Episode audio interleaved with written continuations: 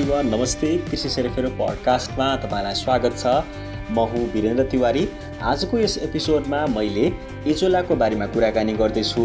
एजोलाले धान खेतमा एउटा ठुलो भूमिका खेलिरहेको हुन्छ।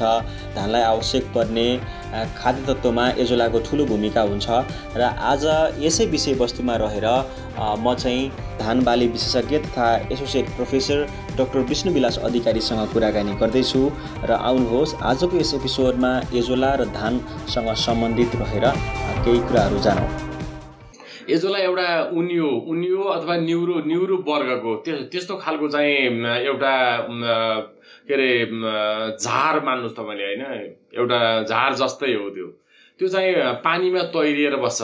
तैरिएर बस्छ त्यसलाई त्यसलाई हामीले मल खादको रूपमा प्रयोग गर्न सक्छौँ। कति किसानहरूले प्रयोग गरिराख्नु भएको छ कसैले जानेर कसैले नजानेर पनि प्रयोग भइरहेको छ। त्यसलाई व्यवस्थित किसिमले हामीले प्रयोग गर्न सक्यौँ भने त्यसबाट हामीलाई लाभै लाभ हुन्छ फाइदै फाइदा छ। अब यसमा यो हुन्छ के त? भन्दा खास गरेर चाहिँ यो जुन एजोला हो यो चाहिँ पानीमा जहाँ प्रशस्त पानी हुन्छ पानी तैरिएर रहन्छ भने त्यस्ता गराहरूमा यो एजोला आफै आउँछ। र यदि यदि तपाईँले तपाईँ तपाईँको गरामा आएको छैन भने त्यस्तोमा तपाईँले चाहिँ पानी प्रशस्त हुने गरामा भने है मैले पानी लगाउने फेरि सुक्ने लगाउने सुक्ने भयो भने त्यस्तोमा हुँदैन। पानी अटुट भइरहने मूलहरू भएको गराहरू त्यस्तो छ भने त्यसमा चाहिँ एजोला हुन्छ। र यदि एजोला तपाईँले त्यहाँ आफ्नो गरामा पाउनु भएन भने तपाईँले एजोला भएका गराहरूबाट तपाईँले चाहिँ एक दुई मुठी ल्याउनु सक्नुहुन्छ। धेरै नै पर्दैन माथि तैरिएको एक दुई मुठी अथवा तपाईँ उसमा के अरे भनौँ न पोखरीहरूमा पनि तपाईँले पाउनु सक्नुहुन्छ। त्यस्तोबाट तपाईँले ल्याएर चाहिँ छरिदिनुहोस्। ठाउँ ठाउँमा तपाईँले छरिदिनु भयो भने त्यो आफै मल्टिप्लाई हुँदै जान्छ पछि बढ्दै जान्छ। बढ्दै जान्छ दस पन्ध्र दिनमा त तपाईँले सर्लक्कै सबै गराभरि जम्मै छोप्छ त्यसले। छोप्छ अनि अब त्यसलाई तपाईँले कसरी उपयोग गर्ने त? भन्दा यसलाई तपाईँले अब एकोरो गोड्ने बेला भयो ल एकोरो गोड्ने बेलामा तपाईँले चाहिँ पानी पानी सुकाइदिनुहोस् अब। पानी सुकाइदिनुहोस् पानी सुकाउनु भने तपाईँलाई गोड्नलाई पनि सजिलो हुन्छ सबै झारपात तपाईँले निकाल्नुहुन्छ। त्यति बेला त्यो तैरिएको एजोला गएर चाहिँ जमिनमा गएर चाहिँ सेटल हुन्छ सबै जमिनमा गएर चाहिँ तह बस्छ। हो त्यति बेला तपाईँले अब गोडमेल गरिदिँदाखेरि के हुन्छ त्यो माटोमा मिक्स हुन्छ त्यो मिक्स भएर त्यहीँ कुहिने हुन्छ। एक दुई दिन तपाईँले पानी नलाइदिनुहोस्। सर्लक्क कुहिन्छ। त्यस्तै दोहोरो गोड्दाखेरि पनि तपाईँले त्यसरी गर्न सक्नुहुन्छ। त्यस्तो गर्नुभयो भने के हुनसक्छ त्यो एजोलाले जुन वायुमण्डलमा भएको नाइट्रोजन पनि त्यसले एसिमुलेसन गर्छ लिन्छ भनेर भन्छ। लिएर अनि त्यसले आफ्नो पपुलेसन बढाउँछ आफ्नो मास बढाउँछ अनि बढाइसकेपछि त्यसलाई तपाईँले माटोमा मिक्सअप गरिदिनु भयो मिसियो भनेदेखि त्यो एकदमै कलिलो हुन्छ त्यो कुहिहाल्छ।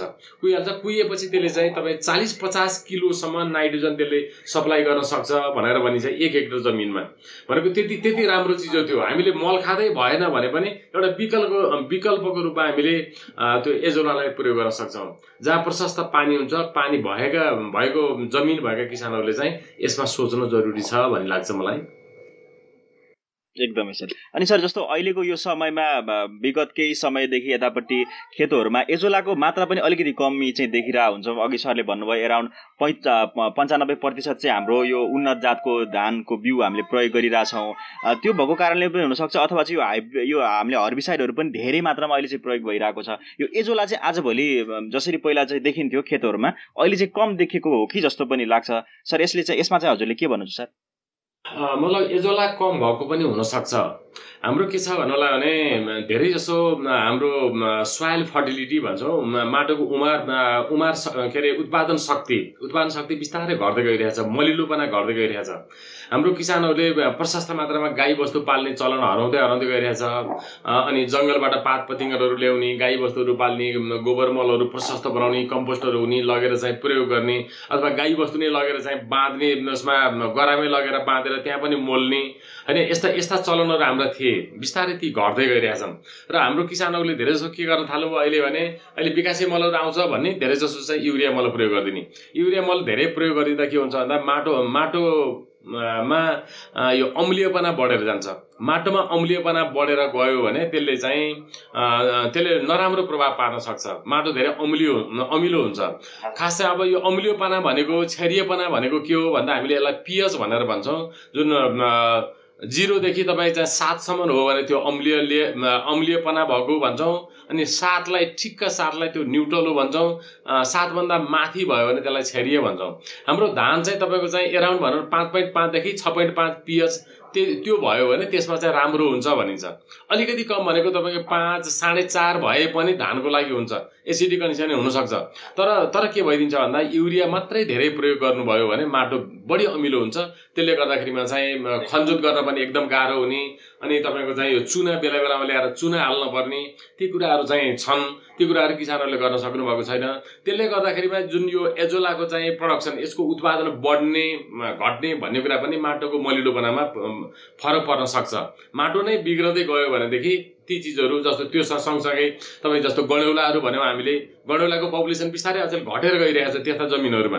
त्यो किन भयो त? भन्दा त्यसमा मलिडोपना घट्यो। त्यो कारणले पनि त्यसले विभिन्न रूपमा भनौँ न त्यसले चाहिँ प्रत्यक्ष अप्रत्यक्ष रूपमा चाहिँ धेरै कुरालाई चाहिँ त्यसले प्रभाव पारेको हुन्छ। हजुर हामीले यो हर्बिसाइडहरू पनि यो झारनाशक विषादी पनि धेरै किसानहरूले प्रयोग गरिराखेको अहिले चाहिँ पाइन्छ नि सर। यसले पनि त केही मात्रामा यसलाई असर पनि गरिराखेको होला होइन सर?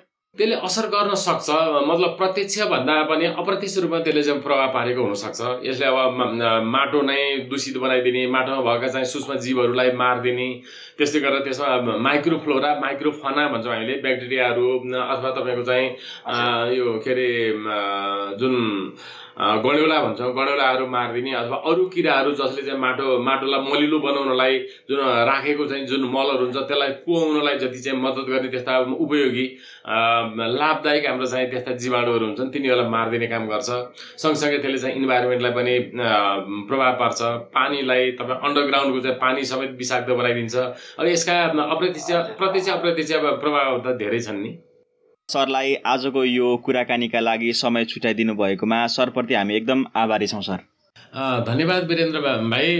तपाईँले भनौँ यो पडकास्ट जुन चाहिँ प्रोग्राम अर्गनाइज गरेर मलाई चाहिँ इन्भाइट गरेर एउटा आफूले जानेका सिकेका कुराहरू यसरी यो कार्यक्रम मार्फत तपाईँले चाहिँ जुन छोटो समयमा राख्ने जुन शुभ अवसर दिनुभयो त्यसको लागि म यहाँलाई हार्दिक धन्यवाद दिन चाहन्छु। र आगामी दिनहरूमा पनि हामीले चाहिँ यस्ता किसिमका कार्यक्रमहरू नियमित रूपमा सञ्चालन गर्दै जाउँ जसबाट हाम्रा किसानहरू प्रत्यक्ष अप्रत्यक्ष रूपमा चाहिँ फाइदा लिनुहुन्छ र हामी सबैलाई फाइदा हुन्छ भन्ने लाग्छ मलाई। हस् यहाँलाई पुनः धन्यवाद।